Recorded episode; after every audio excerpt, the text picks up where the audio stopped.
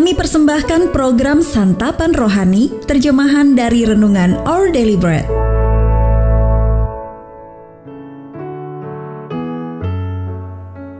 Sahabat ODB, pembacaan Alkitab hari ini terambil dari Obaja pasal yang pertama, ayat yang pertama sampai dengan ayat yang keempat. Obaja pasal yang pertama, ayat yang pertama sampai dengan ayat yang keempat. Nubuat tentang Edom Penglihatan Obaja Beginilah firman Tuhan Allah tentang Edom. Suatu kabar telah kami dengar dari Tuhan. Seorang utusan telah disuruh ke tengah bangsa-bangsa. Bangunlah, marilah kita bangkit memeranginya. Sesungguhnya aku membuat engkau kecil di antara bangsa-bangsa. Engkau dihinakan sangat. Keangkuhan hatimu telah memperdayakan engkau Ya, engkau yang tinggal di liang-liang batu, di tempat kediamanmu yang tinggi. Engkau yang berkata dalam hatimu, Siapakah yang sanggup menurunkan aku ke bumi? Sekalipun engkau terbang tinggi seperti burung raja wali, bahkan sekalipun sarangmu ditempatkan di antara bintang-bintang, dari sana pun aku akan menurunkan engkau. Demikianlah firman Tuhan. Ayat Mas Renungan hari ini terambil dari Obaja pasal yang pertama ayat yang ketiga. Keangkuhan hatimu telah memperdayakan engkau.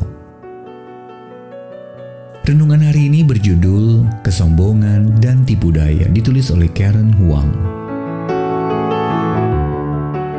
Ya Allah pengasih terima kasih atas teguranmu yang lembut. Dengan bahu membungkuk, saya membisikkan kata-kata yang sulit terucap itu Aku begitu arogan karena mengira aku dapat melakukan semuanya sendiri.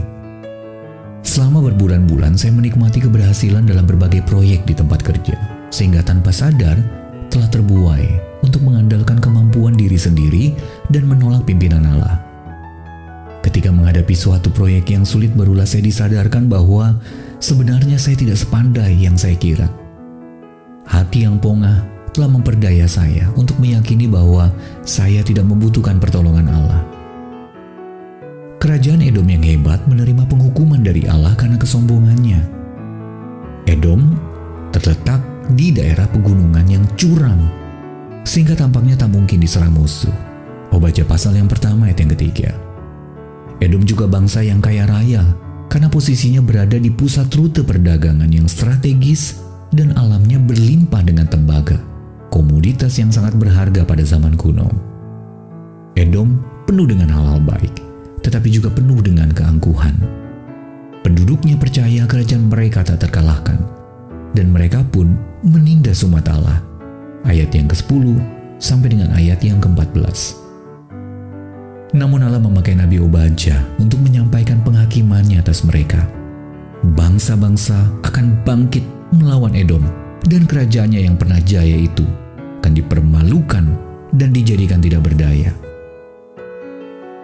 Kesombongan memperdaya kita untuk berpikir bahwa kita dapat hidup dengan kemampuan sendiri tanpa Allah.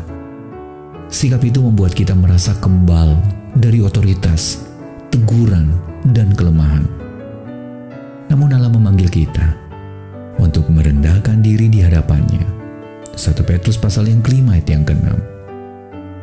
Ketika kita berbalik dari kesombongan dan memilih pertobatan, Allah akan membimbing kita untuk percaya penuh kepadanya. Sahabat ODB, apa yang terjadi?